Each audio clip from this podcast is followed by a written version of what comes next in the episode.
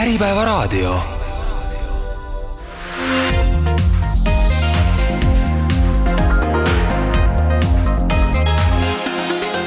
investor Toomase tund. tere kuulamast investor Toomase tundi. eelmisel nädalal plahvatas uudispomm siis meie investoritele, et maailmakuulus Šveitsis tegutsev investor Kais Pierre äh, astub sel suvel siis investeerimisfestivali pealavale ja Kais Pierre'i iseloomustatakse kui esialgsest ülbest Wall Streeti börsikunnist ümber transformeerunud meest, kes siis püüab äh, juba ise natuke edukamana ka teisi aidata ja oma kogemusi siis jagada. ja täna püüamegi anda omapoolse nägemuse, milline investor ta on, mida saaksime kaasa võtta tema investoriks arenemise teelt ja, ja lisaks uurime siis, milliseid õppetunde saaks tema kirjutatud raamatust Väärtusinvestori haridustee siis ka meie keskkonda integreerida. minu tänasteks saatekülalisteks on ajakirja Investor vastutav toimetaja Anu Lill. tervist! Nasdaq Tallinna börsijuht Kaarel Ots. tere! Ja Swedbank privaatpanganduse juht Andres Suimets ning mina olen saatejuht Jaana Saarkoppel Kais Pierre on siis äh, Šveitsis tegutsev investor ja Wall Streeti veteran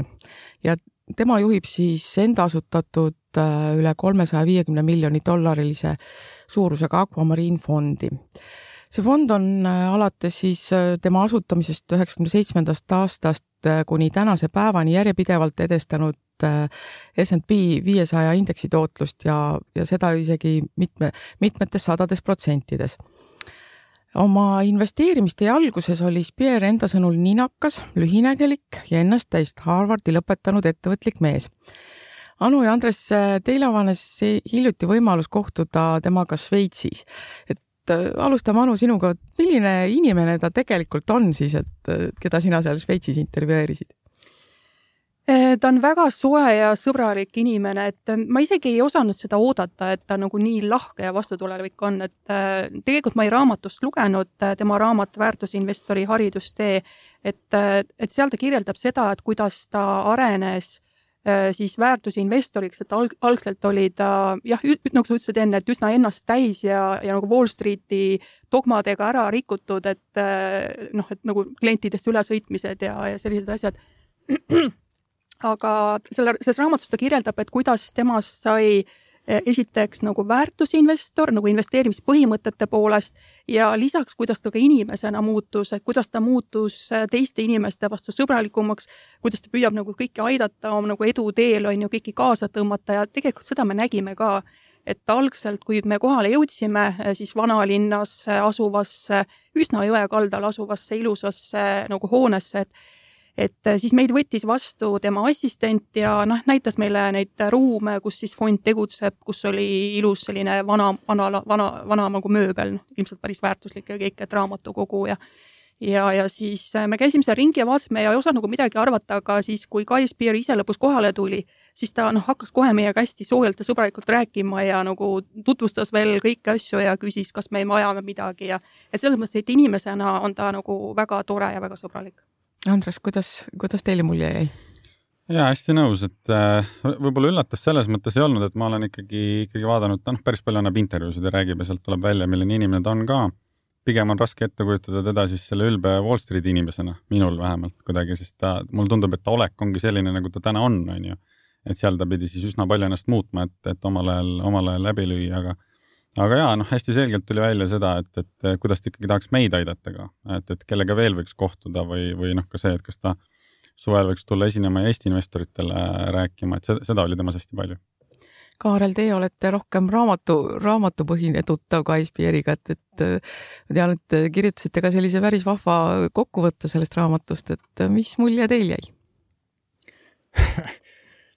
kui ma seda raamatut ütleme siis sirvisin tegelikult mul äh, meenus esimese asjana see Warren Buffetti elulugu, mille mm, Äripäev on ka välja andnud äh, eesti keeles siis. et seal on isegi teatud terminid on, on samad nagu see sisemine punktitabel, mida Kai, Kai Spier ka mm, siis äh, nimetab ja ma arvan, et see võib ka üks põhjus olla, et noh, siin Anu ja mm, noh, arvas, et, et, et kuidas ta nii soe inimene tundub, eks, et ma arvan, et kui inimesel käib sees mingisugune selline muutus ära, siis ta võib ka muutuda väliselt, eks, et mis ta seal noh, enda kohta on ju rääkinud, et, et kuidas äh, ta tegelikult pettus ju äh, päris, päris hullusti haridussüsteemis. et kuidas on võimalik, et tuleb sul sellistest kallitest üli, ülikoolidest välja selline noh, sisuliselt treenitud mingisugune robot, eks ole, kes, kes peab hakkama tegema midagi, mis on noh, ütleme siis täiesti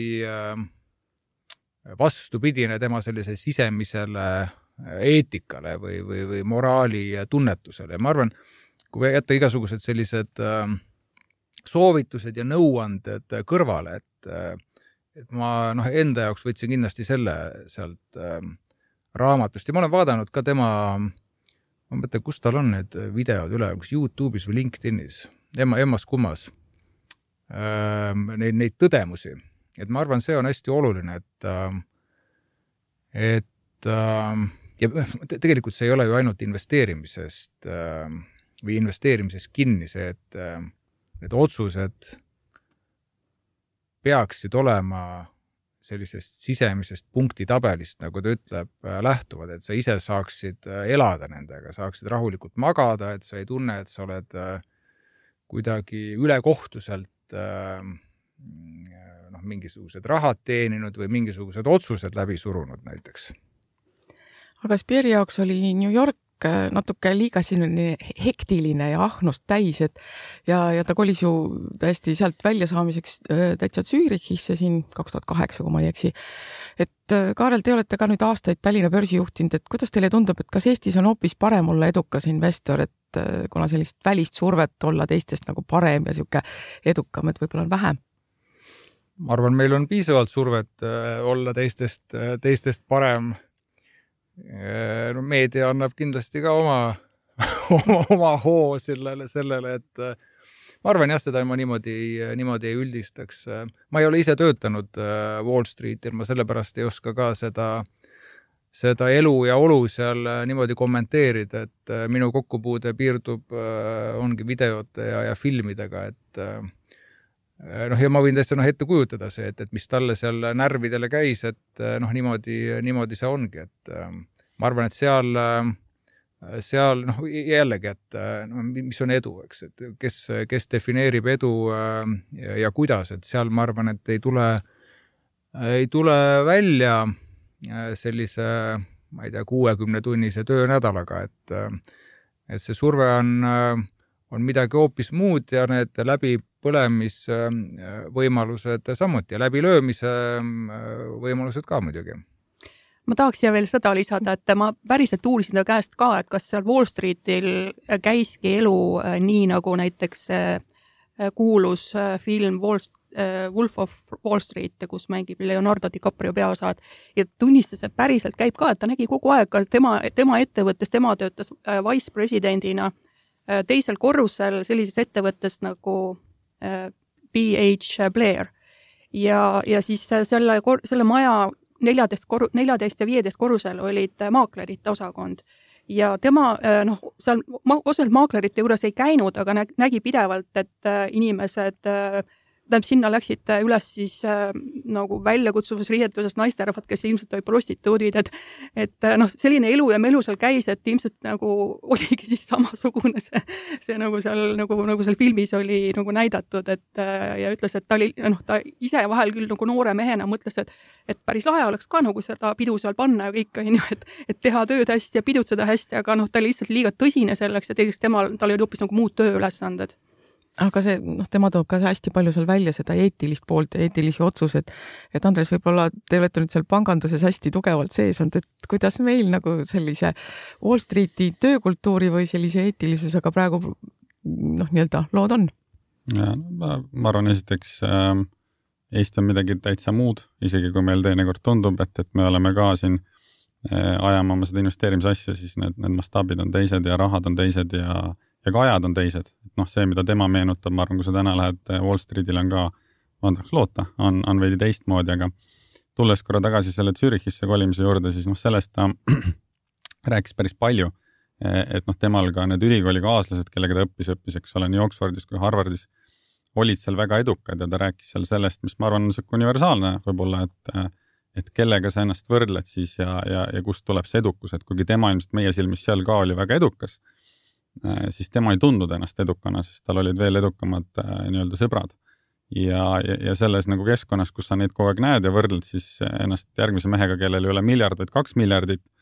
siis sa võib-olla lõpuks vara, varajuhina hakkad ka riski rohkem võtma, et, et, et sul oleks rohkem vara. ja, ja see pikaajaliselt ei too, ei too paremat tootlust, nii et noh, läbivalt see, mis ta raamatus, raamatus räägib, on ju sellise hea keskkonna loomine, e, et inimesena hästi hakkama saada, investorina hästi hakkama saada. Ja, ja noh, meil oli naljakas, kui me temaga õhtusöögil käisime ka, siis peale seda ta pani oma, oma mütsi pähe ja läks, ma ei tea, kas ta jalutas, läks trammiga onju, et, et. trammiga läks jah mm. -hmm, et noh, see on midagi muud kui võib-olla see, mis logistika, mis sa pead Wall Streetil tegema, et, et kuni selleni välja, et kus su kontor asub, kuidas sa saad liikuda, kui palju sa oled ümbritsetud sellest mürast ja sellest, noh, ka see reegel, mis tal raamatus on, et ära, ära vaata kogu aeg aktsiahindu. noh, kui sa oled Wall Streetil, ma arvan, väga raske on, on elada nii, et sa ei tea, mis täna aktsiaturg teeb. Et, et ilmselt kui juba siis, kui sa tööle jalutad, sa kuuled ja näed, mis, mis turgudel toimub nii et noh, see on, see on, ma arvan, see, see tema keskkonnavahetus ja noh, tema ise on sündinud Lõuna-Aafrikas, on ju õppinud äh, Inglismaal, et tema lihtsalt valis koha, mis talle tundus kõige parem selle jaoks, et äh, elada investorina head elu. ja, ja see sattus olema siis äh, sellel näitel Šveits, aga see tundus ka väga selline äh, idülliline ja me temaga ka rääkisime sellest, et, et meile tundus, et noh, Tallinn on nagu mingil määral sarnane, me ei ole tõsi Šveits, aga, aga selles võrdluses suurlinnadega ma arvan, sa enne Kaarlilt küsisid, et, et äh, ma arvan, et jah, meil on, on äh, hea olla investor küll, aga noh, sa pead samamoodi valima siis, mis meedia, meediat sa tarbid ja kui tihti sa aktsiahindu vaatad ja kõik need teised reeglid ka. huvitav, Rain Lõhmus elab ka Šveitsis, et huvitav, mis paralleele siit saaks nagu tõmmata? Et kui Kais Pierre tuli New Yorgist Šveitsi, Rain Lõhmus läks Eestist Šveitsi. ilmselt Šveits on hea koht elada okei okay., aga Pierre on äh, tuntud ka selle poolest, et äh, kaks tuhat kaheksa tegi ta siis äh, koos teise tuntud ja India päritolu investori Monish Babraiga üle kuuesaja viiekümne tuhande dollari suuruse enampakkumise, pääsemaks siis heategevuslikule lõunale koos Warren Buffettiga ja, ja Warren Buffettist on saanud temale ka selline suur eeskuju, et Anu, sina käisid eelmine aasta ka Berkshire Hathaway koosolekul ja nägid Buffett, Buffettit äh, küllalt lähedalt, et kui palju sina oleks nõus maksma lõunaga Buffetti eest? oh, no esiteks mul ei ole nii palju raha ja ma ei ole selle peale mõelnud, et äh, kas ma peaks äh, maksma kellelegi lõuna eest, et see ei ole nagu nii tähtis et Warren Buffett on ju noh, kui mind huvitab kellegi nagu mõtted, et siis tegelikult on ju, ta kirjutab neid kirju ja noh, vastu kirjutatud raamatuid, et et see, see võib-olla jah, ei ole nagu see prioriteet, et just lõu-, lõunale minna. kuidas, Andres, teiega on? Äh, no esiteks, äh, see tundub hea diil äh, selles mõttes, et ma nüüd, ma võin eksida, aga viimati ma vaatasin, äkki oli kakskümmend miljonit või mis siin oli makstud, et, et oluliselt suuremaid summasid kui kuussada viiskümmend tuhat, mis nemad Pabraiga kahe peale maksid ja Pabrai maksis ka minu meelest suurema osa sellest. nii et Kaispir maksis paarsada tuhat, et ma nii palju ka nagu ikkagi ei maksaks, aga, aga kindlasti ma no ei alahindaks seda võimalust kohtuda selliste inimestega, et et Spiir on päris palju rääkinud intervjuudes ja raamatutes, et noh, mis see nagu, üks on see, et sa raamatust loed midagi ja tegelikult isiklikult see mõjutas, on ju, et, et ja, ja noh, ta on olnud väga edukas investor ja seda Buffetti niisugust investeerimisfilosoofiat päris palju peegeldanud. ta on temaga ka hiljem saanud kohtuda minu meelest, et äh, nii et noh, et ilmselt sellest lõunast kasvas välja ka, ka selline nagu laiem kontakt, on ju. ja, ja noh, tema on seda hästi kõrgelt hinnanud.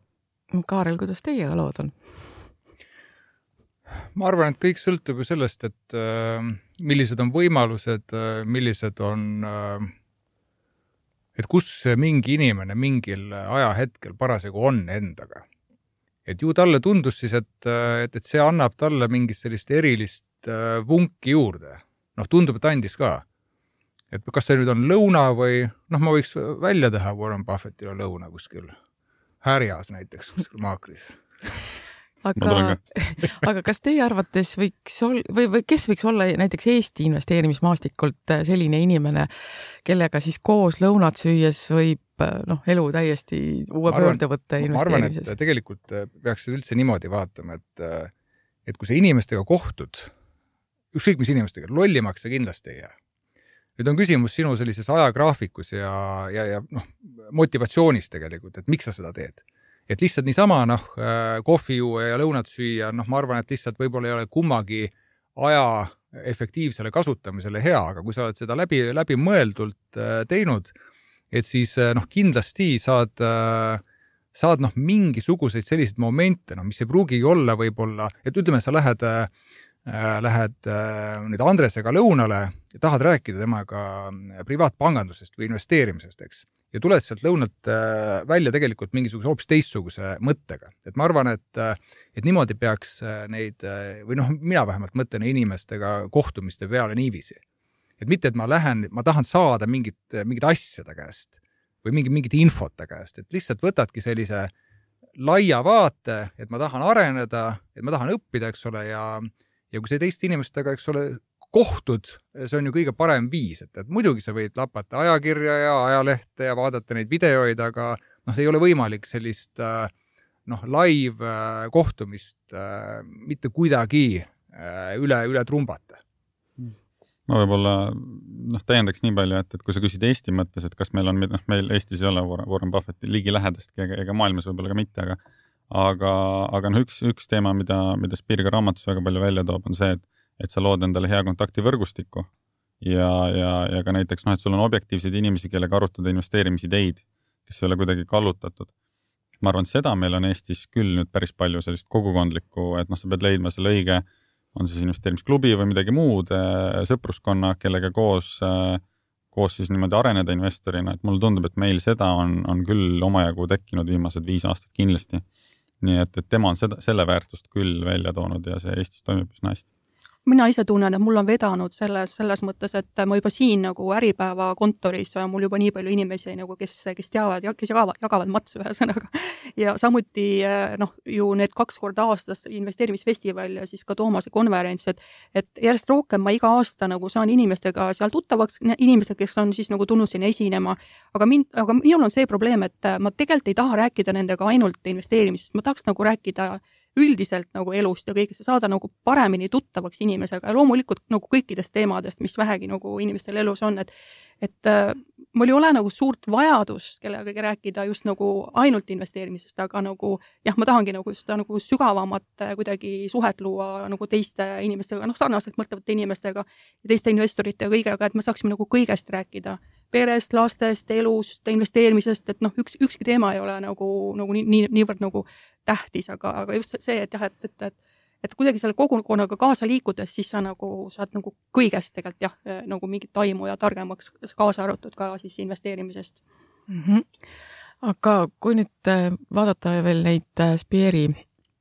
teekonna nagu õppetunde ja, ja tema on hästi palju tõesti Buffettit äh, võtnud nagu eeskujuks ja, ja üks, üks see põhimõte, noh, mis ta Buffettilt on võtnud, et äh, tuleb siis leida need ettevõtted, mis on nagu odavad, et mille ümber on siis nii-öelda see vallikraav või ehk et kaitse ja moat või kuidas ta nagu inglise keeles ütleb. ja et, et äh, peale seda nagu siis on võimalus edukalt investeerida, et noh, Pierre ise ütleb, et noh, leia siis see see hea ettevõte ja hoia mune ühes korvis ja, ja valva seda korvi hoolikalt, aga, aga ütleme, kui nüüd alustava investori või ütleme, niisuguse vähekogenud investori peale mõelda, et tegelikult see eeldab ju sellist hästi tugevat analüüsioskust, et kus ma leian selle üksiku, et kogu aeg on räägitud, et hajuta ja hajuta, et kuidas selle põhimõttega nüüd on kuidagi nagu väike vastuolu meie jaoks. Tegelikult ei ütlenud seda, et hoia munad ühest korvist peer, vaid ta võttis selle nagu Buffettilt, lause Buffettilt jah, jah, et et äh, Buffetti hinnang on see, et hajutamine on nendele, noh, kes ei tea, mida nad teevad. aga Speer on kindlalt väärtusinvestor, samas ma küsisin, kas ta ka vaatab kasvuettevõtete poole, kuidas ta neid hindab. et äh, noh,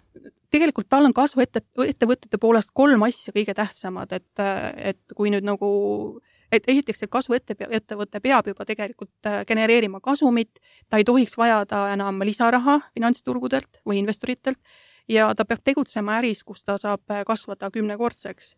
et äh, ja loomulikult tuleb siis aktsia saada ka noh, tema tegelikust väärtusest odavamalt, mis on see väärtuse investeerimise põhialus, nii et ei välista üldse ka kasvuettevõtteid, lihtsalt et ta peab nagu magada saama, et see on nagu kõige tähtsam. ja, ja, ja tulles veel selle juurde, et äh, kuidas siis noh, mida ta näiteks on välistanud, et Elon Muskiga ta ka koos ei investeeriks, et tema ettevõtetesse, et ta lihtsalt peab äh, küll väga lugu Elon Muskist kui ettevõtjast ja, ja nagu visionäärist, aga ta kardab, et seal on kõik, kõiges, millest nagu Elon Musk räägib, et on liiga palju sees seda nagu tulevikuunistust, mis siis ka nagu hinda on nagu ebamõistlikult äh, kõrgele viinud, kui vaadata siis aktsiate suhtarve. et, et e-, eelmisel aastal tegelikult Guy Spear siis Äh, oma portfellis olulisi muudatusi teinud, et, et ma mäletan sealsamas Berkshire Hathaway miitingul Buffett ise ütles, et äh, tema on tugevalt ostupoolel ja see oli siis aprilli lõpus, mai alguses. samas peale seda nagu turud ju kõvasti kukkusid veel ja siis ma küsisin ka Kai käest, et, et mida tema tegi, et kas ta võttis ka šnitti siis Pahvetist ja tegi midagi, et kas ta Kauli ostu poolel, ta ütles, et ei olnud. Ja seal oli, seal oli üks põhipõhjus oli nagu, oli see, et esiteks ta nagu ei, ei kopeeri niimoodi üks-ühele kõike, mida Pahvet teeb. Ja teiseks oli see, et, et Pahvetile tilgub ju iga kvartal või iga kuu tilgub nagu kogu aeg raha peale. Aga, aga temal oli siis ka nagu noh, tema kartis veidi likviidsuse pärast, sest kuigi tema enda fondi investorid peavad lukustama raha vähemalt aastaks, et, et noh, ta ei paku igapäevast likviidsust oma investoritele. et äh, siis ta kartis, et ikkagi noh, et aasta saab ju ruttu mööda, et mingil hetkel on seal kindlasti inimesi, kes tahavad nagu seda raha välja võtta ja kes on kard-, kes kardavad. ja siis ta pigem nagu ei teinud tehinguid ja, või siis, ja siis, aga ühe tehingu ta tegi. ja ta müüs maha Twitteri ja, ja müüs, müüs siis sellepärast maha Twitteri, Twitteri ta, ta oli ostnud aastal kaks tuhat kakskümmend suurest koroonakriisi põhjast ja siis talle tundus, et äh, Twitteri juhid olid õigel teel ja tegid häid otsuseid ja ta tahtis nagu ka siis selle Twitteri eduga nagu kaasa sõita ja nagu muud asjad ka tema jaoks klappisid, kuigi ta nagu tunnistas, et, et äh, ikkagi nagu noh, oli veits kõrge see hind äh,. aga ta ikkagi ostis ära ja, ja siis nüüd eelmisel aastal ta müüs kohe maha peale seda, kui oli teada, et Elon Musk tegi äh, Twitterile väljaostupakkumise. Ja, ja miks ta seda tegi, miks ta siis maha müüs, oli, oli see, et et tema meelest jäid siis Twitteri juhid äh, liiga kiiresti selle pakkumisega nõusse. ja ta mõtles, et huvitav, et tavaliselt on nii, et kui mingi pakkumine tuleb, et nagu see firma, Twitter oleks siis võinud öelda, et aga me uurime mujalt ka, et äkki Google tahab osta, äkki Microsoft tahab osta, et aga noh, seda ei juhtunud, et kohe nagu paugu pealt võeti see Elon Musk'i pakkumine vastu mingi viiskümmend neli dollarit aktsia kohta, siis Twitteri aktsia kohta, võeti kohe vastu ja talle tundus see liiga kahtlane, et ilmselt ta, ta tunnistas, et ilmselt teavad Twitteri juhid nagu midagi rohkem, kui tema teab ja ta müüs igaks juhuks selle maha viiekümne dollariga ja hiljem siis noh, ma ei tea, kuhu see lõpus kukkus, aga noh, hästi sellel aktsial ei läinud. nii et ta nagu sai hästi lahti sealt siis õigel ajal ikkagi, kui vaadata seda hajutamist ja, ja mittehajutamist, et, et Kaarel, kuidas teile tundub, kui, kui kõik lähtuks sellest põhimõttest, et ostangi ainult ühe aktsia näiteks ja Tallinna börsilt ainult ostetaksegi ühte aktsiat, et kas kuidagi Tallinna börsil liiklust jääb vähemaks järsku või? ma arvan, see on selline liigne, liigne üldistus, et üks aktsia või, või või, või hajutan, ma ei tea, saja vahel, et noh, alati on värve rohkem kui, kui must ja valge. ma arvan, et noh, mida tasub võib-olla noh, meelde tuletada. et meil on Eestis noh, peaaegu terve põlvkond selliseid investoreid, ma ütlen peaaegu, sellepärast et nad päris põlvkonda välja ei anna, aga meil on päris palju selliseid investoreid, kes on harjunud sellega, et äh, ainus koht või ainuõige koht, kuhu raha panna, on äh, kasvuettevõtted. eks. ja see muutus äh, väga hooga mm, see mõtteviis ehm, mitte üldse ootamatul põhjusel, et eh, justkui nüüd jutumärkides ootamatult tekkis rahale üleöö hind. ja siis, mis juhtus, eh, oli see, et eh, jällegi üleöö muutusid ettevõtete turuväärtused, valuation'id. mis siis juhtus, oli see, et, et tekkis selline paanikamüük. ma arvan, et noh, kui me USA poole vaatame, siis USA-s on äh, noh, julgelt üle poole müüke teevad äh, algoritmid, robotid, eks, mis olid seni harjunud vaatama seda, kas keskpank jätkas rahatrükki või mitte. kui keskpank jätkas rahatrükki, siis osteti juurde, sest et aktsiahinnad läksid üles ja see, see tegelikult oli peaaegu kümme aastat selline, selline trend. Ja, ja ma arvan, et äh, see tuli ja tuleb tegelikult väga paljudele sellise külma dušina praegu, et mida, mida me näeme. Kaispierele kindlasti mitte ja, ja sellistele vanematele investoritele, kes on harjunud äh, tegema analüüse äh,, mis põhinevad ettevõtete rahavool, see ei tule üllatusena. aga see kuidagi jah, läks väga äh, ütleme, see pendel liikus väga suure hooga ühte äärmusesse ja ma arvan, et ta tegelikult äh, ka sama suure hooga tuli sealt äärmusest ära. et mis me tegelikult oleme näinud, on äh, noh, võtame need USA suured tehnoloogiaettevõtted, paljud on ikkagi tagasi põrganud oma nendest suurtest kukkumistest. et investoritel on, äh, on tükk tööd sellega nüüd, et analüüsida, et, et kas nende omanduses olevad aktsiad või need ettevõtted,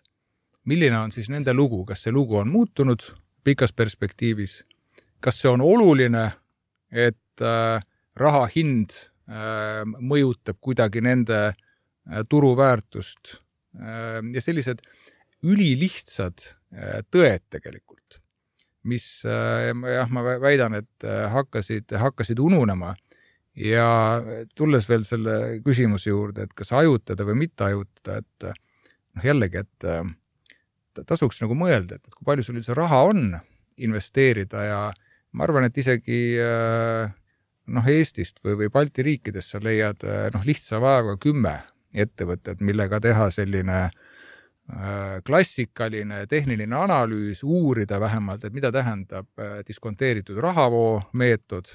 mida on vaja selleks, et rahavoogu diskonteerida, see sõna juba kõlas, selleks on vaja rahavoogu. ja, ja ma selles mõttes jah, hoiduksin sellistest üldistamistest, nagu ka sellest, mida ma siin ise tegelikult natukene tegin, et et, et oldi väga fokusseeritud ainult kasvule, eks. et see on alati, jääb investeerimise üheks osaks, lihtsalt seda tuleb tajuda, ma arvan, natukene paremini ja neid riske et mis ühe või teise investeerimise juures äh, kaasas käivad. eks oleneb siis nagu nendest osakaaludest, eks ju osakaaludes jah, noh, ma, ma ütlen, et, et ma kuidagi ei, ei heida seda ette, et sul oligi niimoodi, et äh, kui sul ikkagi noh, neli-viis aastat järjest on suured USA indeksid äh, kasvavad kolmkümmend, nelikümmend protsenti, et siis on nagu, nagu veider, et, et sa ei äh,, ei lähe kaasa sellega, et sul on, juhivad seda suured tehnoloogiaettevõtted, kes müüvad ainult kasvulugu, eks ja siis sul on, tuleb äh, noh, ma ei tea, sada ettevõtet tagapool, sul on väiksemad tehnoloogiaettevõtted, kes müüvad aga ainult kasvulugu, et, et kus see numbriline pool on palju-palju äh, hõredam. et loomulikult sa tahad sellest ju äh, osa saada, eks ole, sest et sulle tundub, et, et kõik, mis sa puutud, eks ole, muutub kullaks. et sellepärast tasub võib-olla sirvida jah, seda mm, raamatut ja, ja Buffetti raamatut, et kasvõi meelde tuletada endale, et põhitõed et need ettevõtted tegelikult ei ole olnud äh, ka selle kümne aasta jooksul, kus rahatrükk moonutas tegelikult kogu majandust ja investeerimist kuhugi kadunud. lihtsalt äh, neid varjutas mingisugune selline noh, ma väidan, ebaloomulik äh, käitumine keskpankade poolt, mis ajas nagu need hinnad noh, selliseks noh, paigast ära siis aga see mõte seal, noh, selle taga muidugi, et sa investeerid sellesse, mida sa tead, eks ja, ja, ja võtad sellist kontsentreeritud riski nii-öelda, on ikkagi selle taga, et, et väärtusinvestor valib piiratud arvu ettevõtteid, mida ta suudab jälgida. eks, et, et, et noh, mida me, kui sa küsid nagu jaeinvestori vaatest, tihtilugu, eks ole, nagu tulistatakse niimoodi valimatult ja portfellis on väga palju ettevõtteid. ja ma arvan, see on ka viga, kui sa ikkagi investeerid jaeinvestorina, kui sul käid palgatööl ka, nii paljudesse ettevõtetesse, et sa ei suuda neid jälgida Kaispir, kellel on väike tiim, kes on professionaal, noh, tal on võib-olla paarkümmend nime, eh, kui, kui jaeinvestoril on, on, on sama palju või rohkem, siis see ilmselt on viga mm. -hmm. Kaspiril oli see reegel Buffetti eeskujul, et äh, IPO-desse mitte raha panna. ja noh, kuna see on selline üles haibitud müügitöö ja, ja võib-olla seal ei pruugi seda väärtust taga olla, et kuidas, Kaarel, teie sellesse suhtute börsijuhina, et, et kui, kui üks selline suur eeskuju ütleb, et ärge IPO-sse raha pange? no ta minu eeskuju ei ole ja ega noh, pole minu asi kommenteerida seda, et, et ju tal on siis, äh, on paremaid viise investeerimiseks. meil on, võtame noh, kitsalt Tallinna börsi vaates, meil on olnud võimalik IPO-dega teenida noh, päris hästi et ei ole noh, üks, üks-kaks sellist ettevõtet, et aga noh, ma, ma, ma tajun seda, seda, seda tausta, et, et kui sul noh, võtame Warren Buffetti näiteks, eks, et mismoodi tema analüüsib neid ettevõtteid, mismoodi tema neid siis ostma hakkab, eks ole, et, et saavutada noh, heal juhul siis kontroll selle ettevõtte üle et noh, ma arvan, et me ei suuda seda isegi endale ette kujutada, et me teeksime Eestis midagi sarnast. et noh, võib-olla siin no, ühe käe sõrmedel me loeme neid inimesi, kes niimoodi noh, investeerimisele vaatavad, et et teised peavad ikkagi otsustama, et kas ma ostan seda avalikul pakkumisel või ma ostan seda järelturul noh, praegune praktika ju vähemalt First Northil näitab, et võib-olla järelturg on investori jaoks parem variant, et osad, osad aktsiad just väga, väga kõrge lennuga pole olnud ja samas teised on jälle väga kõrge lennuga, nii et, et eks ta selline riskibusiness vist on. mis asi nimelt siis on riskibusiness? et IPO-s sisse minna noh, et mõned ettevõtted on meil väga natukene, palju edulugusid. peame natukene ikkagi nüüd noh, keskenduma sellele, et mis, millises IPO-s ja ja kuidas sisse ja mis, mis riskisusega ja nii edasi, et noh, me jõuame jälle sinna välja, et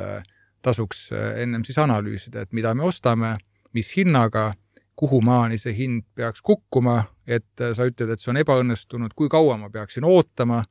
et see hind siis jõuaks saavut-, soovitud tasemeni ja nii edasi, et see on noh, liigne selline üldistus Mm, noh, ütleme näiteks Eesti investori äh, seisukohast äh, vaadates pole eriti vahet ju, mis, äh, mis seal USA IPO-des toimub, et see nagunii sinna ligi, ligi ei saa noh, minu arust on ju Spearil ka see, see põhimõte jälle Buffettilt üle võetud, et sa pead seda noh, nii-öelda selle ostu sooritama, siis kaks aastat vähemalt hoidma, ükskõik mis sellega siis juhtub, isegi kui ta peale ostu langeb, et. kui langeb, minu arust see reegel on selline, et kui tõuseb, siis ta vist võib, võib ka müüa, aga tulles korra IPO-de juurde tagasi, ma võib-olla noh, täiendaks nii palju, et et noh, mis selle, mis selle mõtte või reegli taga on, ma, ma arvan, on see, et noh, kui IPO-sid tehakse, IPO-sid korraldatakse, et, et sa pead nii-öelda preemiat pakkuma investoritele, kes märgivad. Ehk siis noh, nii-öelda eesmärk on ikkagi IPO-t hinnastada nii, et kõik, kes IPO-s osalevad, teenivad järelturul.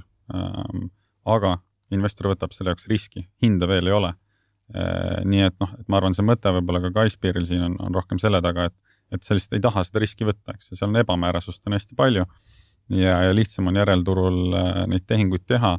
küll sul jääb mõni hea tehing ka seetõttu tegemata kindlasti, sest on edukaid IPO-sid ju omajagu ja, ja meie turul siin ka, ka päris mitmeid olnud, mida, mida me hästi teame. nii et, et lihtsalt see on, see on üks neid, noh, nagu tal ka see reegel on, et, et kui keegi midagi soovitab või üritab müüa, et siis ma igal juhul ei osta, kui sa kohe, kui sa ütled, mis see on, siis minu reegel on, et ma ei osta. noh, mõni soovitus hea ka olla, on ju, aga, aga temal see reegel on no Anu, kuidas sulle tundub see IPO-de mõte?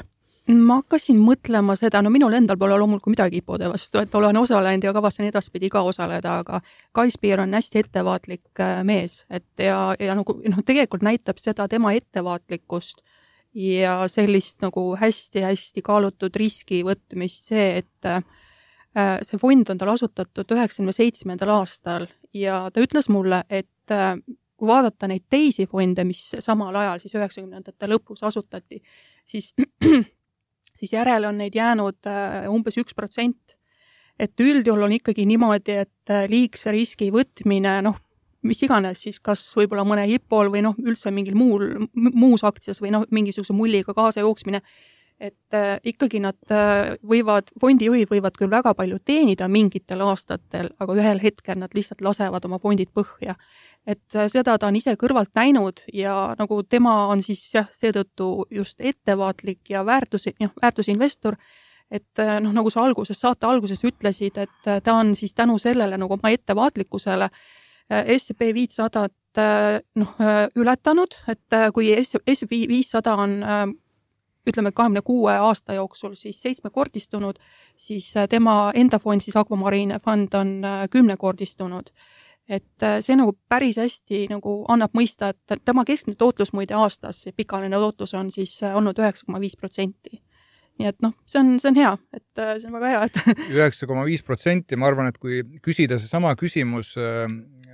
või oleks küsitud seda näiteks aasta aega tagasi investor Toomase konverentsil inimesed oleks naernud selle peale, et päh. ma, ma mäletan, kusjuures selline küsimus oli, et, et mida peet-, mida peetakse äh,, kuidas see oli, et äh, mõistlikuks või, või, või, või selliseks heaks, heaks tootluseks oli kakskümmend kuni kolmkümmend protsenti. et see nagu näitab seda, et, et milline on siis see meelsus, eks, et et, et mingi, mingisuguste tegevustega köetakse aktsiaturg selliseks, et, et kakskümmend kuni kolmkümmend protsenti peetakse normaalseks toetuseks to,, tootluseks, vabandust. et rohkem tegelikult oleks vaja, et, et ma arvan, et see noh, maa peale tagasi tulemine on noh, viimasel ajal toimus, eks, et kui tema teenib üheksa protsenti, noh, maailma aktsiaturgude ajalooline tootlus on alla seitsme protsendi. Et äh, noh, ma, ma ei, ma ei näe ühtegi põhjust, miks ta peaks olema rohkem. Pika, pikaajaliselt, et millised on need ettevõtted siis, mis, mis nagu pikaajaliselt jätkusuutlikult kasvavad kogu aeg rohkem kui no ma ei tea, kasvõi see, kasvõi see üheksa protsenti. Aga siin Spearil on ka veel see põhimõte, et äh, noh, ratsionaalne investor ja, ja sellest ümbritsevast mürast peaks ennast välja lülitama, et noh, seesama tegelikult see Toomase konverentsi nii-öelda väljaütlemine, too kakskümmend protsenti tootlust, noh, see on ka tegelikult ju selline müra, eks ju, informatsiooni osas, et, et äh, ja kõik need gurud ja, ja ütleme, meedia siin natuke ikkagi ka ju võimendab mingeid teemasid, et kuidas sellest nagu ennast välja lülitada ja, ja mis nippe selleks saaks nagu kasutada, et noh, muidugi jah, internet välja, raadio välja, eks, aga tegelikult. ma arvan, et ei ole vaja välja lülitada neid, ma arvan, et kõige tähtsam on teadvustada endale, et miks need juhtuvad. miks juhtuvad mullid üldse? et mullid juhtuvadki siis, kui on äh, pikalt olnud mingisuguseid äh, selliseid edulugusid, neid võimendatakse kogu aeg noh, kuulsad inimesed, tuntud inimesed räägivad, kuidas neil on hästi läinud. see on noh, ajas tagasi, noh, võid minna kolmsada aastat tagasi, et sa näed selliseid, jälle juhtub, jälle juhtub, jälle juhtub. et kui sa teadvustad seda äh, ja püüad vaatamata sellele äh, oma tegevuses jääda selliseks ratsionaalseks, ma arvan, et on pool, pool võitu käes juba. ja teadvustada endale seda, et, et kõikidel inimestel olenemata sellest, milline on nende selline intellektuaalne tase või nende lugemus, kõikidel inimestel on soodumus joosta karjadega kaasa. ja ma ütlen, et selles ei ole mitte midagi halba. vahel on väga kasulik seda teha, aga lihtsalt tasuks siis eh, noh, investorina eriti siis eh, mõista seda, et, et mis hetkel oleks tervislik pidurdada ja püüda mitte seda teha ja see on kõige keerulisem ja seda sellepärast äh, kukuvad fondid, sellepärast jäädakse oma varandustest ilma lihtsalt sellepärast, et äh, sa läbi mõtlemata, see tundub äh, niivõrd noh, ütleme see, see tulu teenimine tundub niivõrd, niivõrd magus, on ju, et sa paned, paned sellega kaasa see on sama hirmu ja ahnuse nagu vahekord, eks ju. see on psühholoogia, see on ja. psühholoogia mm -hmm. ja mida rohkem, ma arvan, et täna meie investorid on, on oluliselt äh, targemad äh,, kui nad olid äh, minu pärast äh, kümme aastat tagasi ja paljuski on äh, selleks kaasa aidanud raamatud, et sa loed teooriatest. mulle endale on äh, tulnud äh, konverentsi külastajad rääkima, et äh, et kui ei olnud mingisugust kukkumist, enne Covidi äh, põrget, onju et äh, tegelikult tahaks mingisugust äh, kriisi, et, äh, et me teooriat tunneme juba, aga see, et, et kuidas inimene tegelikult käitub, selleks on vaja praktikat. ja ma Lisaks... arvan, seda praktikat nüüd on olnud.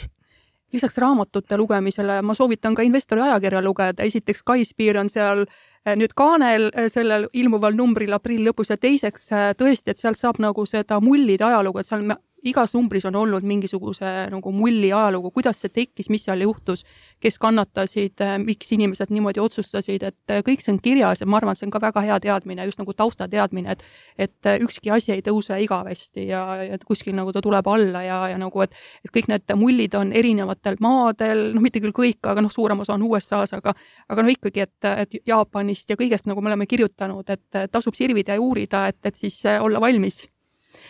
aga jah. korra täiendaks võib-olla ka seda, noh, mis sa alguses küsisid Spiri kohta, et, et see, et, et sa teadvustad, nagu Kaarel rääkis ka seda nii-öelda oma kallutatust, et Spir on ikkagi hästi selgelt eh, nii-öelda teinud mõlemat, ta teadvustab, aga ta on loonud ka reeglid, sest me ikkagi oleme kallutatud, isegi kui me teadvustame. nii et noh, sealt, sealt tulenevalt siis seesama, et ma ei tee tehinguid siis, kui börs on lahti, ma otsustan enne ära, ma vaatan aktsiahindu palju, palju vähem, ma valin, mis infoallikaid ma kasutan et kui sa küsid, et kas Eesti investoril on sellest midagi õppida, et ikka on, on ju, sest noh, aktsiahindade liikumine on alati call to action on ju, et aktsiahind kukub või, või, või tõuseb, sa mõtled, sa pead midagi tegema, on ju, et et seda kuidagi nagu piirata teadvustada, mis su investeerimisstrateegia üldse on, mis on, ma arvan, selles raamatu kõige suurem selline nagu mõte, et sa selle alusel lood ikkagi süsteemi ka, kuidas sa ise tahad investeerida, sa lood reeglid, sa lood õige keskkonna ja siis nii sa ka teed, mitte sa ei lähe, ei lähe kaasa kõigega, mis alati, alati turul toimub. Aga kas te olete keegi midagi nagu noh, nii-öelda enda elus ka juba kasutanud või, või, või ellu rakendanud nendest Speari põhimõtetest? no mina kindlasti olen äh, mina olen kindlasti meediakanaleid vähendanud, et seda, mida ja kui tihti ma loen, et ma täna ikkagi äh, loen vähem ja loen võib-olla veidi nii-öelda aeglasemaid artikleid kui sellist nagu noh, ütleme, töö on mul ka natukene muutunud, et ma ei ole nii turgudega seotud, et ma peaks igapäevaselt lugema ja see annab mulle selle luksuse, et ma võib-olla loen veidi vähem, jälgin oma portfelli aktsiahindu oluliselt harvemini kui vanasti. noh, jällegi pigem ma olen muidugi noh, teadlik ikkagi iga päev, mis turgudel toimub aga, aga rohkem, rohkem seda ja, ja, ja aga no ma ütlen, see sõltub hästi investori strateegiast ka. et kui sa teadvustad, et noh, mõni võib-olla on üdini passiivne investor, ta ei pea üldse vaatama, eks ole, et need on täitsa erinevad asjad kas Spiril oli nüüd, ma ise täpselt ei mäleta, kas tal, kas tal oli ka üks selline nagu põhimõte, et kui keegi talle nagu mingit aktsiat soovitab, et siis ta nagu põhimõtteliselt seda ei osta? seesama müügipool jah, et, et kui keegi talle midagi müüma hakkab, siis ja. kindlasti ütleb ei, eks ju. mul oli lisaks sellele nagu, nagu päris mitu äratundmist, et äh, jah, et ma teen ka samamoodi, et ilmselt siis äh, noh, ja, ja siit nagu leidsin juurde veel nagu siukseid äh, olulisi asju nagu tema poolt ka, et noh, mul praegu hetkel need ei ole meeles, aga jah, et, et midagi ma siit sain, aga mida oli, midagi oli mul nagu enne ka olemas. just täpselt see, kui keegi midagi soovitab, siis ma põhimõtteliselt seda ei osta, et noh, minu arust on see nagu kõigile väga hea, et et kui keegi midagi pähe määrima tuleb, et siis see õige asi ei ole, et kusjuures ma küsisin, et kuidas ta oma fondi ise investoreid juurde leiab, et et ta ütles, et noh, reklaamida loomulikult ei tohi, et seal on regulatsioonid peal et ja ta ütles, et ta ei tahakski, isegi kui, isegi kui tohiks, et ta ei tahakski reklaamida, sellepärast et noh, kui sa oled nagu arst, kes nagu teeb oma kabineti ukse lahti, ütleb, et et rahvas, tulge minu juurde, ma ravin teid terveks, on ju, ma olen väga hea arst, on ju, et siis keegi ei taha nagu selle arsti juurde minna, kõik tahavad selle, sellise juurde minna, kes, kes, kelle, kelle kohta levib sõna nagu inimeselt inimesele kogemuste kaudu. ja temal ongi need investorid tulnud nagu siis äh, nagu noh, sõna, sõna levib siis nagu mingis ringkonnas ja inimesed on saanud positiivse kogemuse ja, ja siis niimoodi ta on saanud neid. jah, aga siis ikkagi keegi kuulab kedagi teist ja teeb oma otsuse vastavalt sellele, ma küll ei kujuta ette, et kui ma käin nüüd selle Warren Buffettiga ja Andres tuleb ka, käime lõunal ja Warren Buffett ütleb, et näed, et see on see aktsia no Warren Buffett vist nii, ah. Warren Buffett vist nii ei tee, aga teate, mul on äh, suur kiusatus ära kasutada, kuna te kõik siin stuudios olete, et äh, eile või ütleme siin lähipäevadel tuli välja see koalitsioonilepe uus ja kuidas teie näete üldse investori seisukohalt kõiki neid muutusi, mis seal nagu nüüd kirjas on, kõik, mis puudutas seal tulumaksu erinevaid teemasid, käibemaksud, siis kõik need äh, Airbnb lühirendi sellised maksustamised ja kuidas teile tundub, kas investorile läks asi nüüd kergemaks või raskemaks? Kaarel ma ei ole äh, lõpuni süvenenud kõikidesse nendesse muudatustesse ja ma ei, ei taha sellepärast seda kommenteerida. ma arvan, äh, summa summarum midagi paremaks sellest ei lähe. Äh, pealiskaudsel lugemisel ma ei näinud selles koalitsioonilepingus ühtegi kohta, kus oleks mingi tegevus, millega kaasneks majanduskasv ja ma pigem võtaks selle Guy Speariga äh, selle asja kokku, et äh, sisemine moraali ja eetika kompass äh, noh, selgelt puudub nii mõnelgi poliitikul, mis lubab noh, sellisel viisil ütleme siis alustada valimiskampaaniaga peale, peale valimisi aga ma kohe kasutan ka veel seda võimalust, et, et ega seal väga palju polnud ka ju informatsiooni, et milliseid riigiettevõtteid ja, ja üldse, et noh, oli küll börsile tuua riigiettevõtteid, et seal oli küll, et teeme nimekirja aasta lõpuks, aga kuidagi hästi üldine ja kuidagi mitte midagi konkreetset, et. ega ta on äh, mingites kohtades konkreetne, mis puudutab äh, maksutõuse ja muus osas äh, noh, ta, ta ei ole isegi üldine, vaid seal pole ju praktiliselt mingit infot selle kohta, et kuidas mingisugust sisemist efektiivsust suurendada või või noh, nagu ma ütlesin, et kasvu soodustada, et, et pigem on ta selline veider töö. Minu arvates. On kellelgi veel mingeid kommentaare? ma teemat vahetades korra lihtsalt tahtsin enne küsida, et kas te teate, mis on, kuna Kaispiri portfell on osaliselt avalik, mis on tema suurim investeering, vähemalt teadaolevalt USA-s ei tea ka. sa kohe räägid meile sellest? ma kohe räägin, sest äh, Anu, Anu ka ütles, et, et Kai otseselt äh, Warren Buffettit ei, ei kopeeri, aga tegelikult kopeerib tema suurim, USA-s vähemalt kolmkümmend protsenti tema portfellis on Berkshire Hathaway. nii et äh, ja noh, seal siis ka muuseas Ferrari, Euroopa nii-öelda tuntud autotootja aga teate, mul on kurb küll öelda, et aga heas seltskonnas liigub aeg nii kiiresti, et, et me peame tänaseks nagu otsad kokku tõmbama, et äh, meeldetuletuseks siis raadiokuulajatele, et kellel on soov tutvuda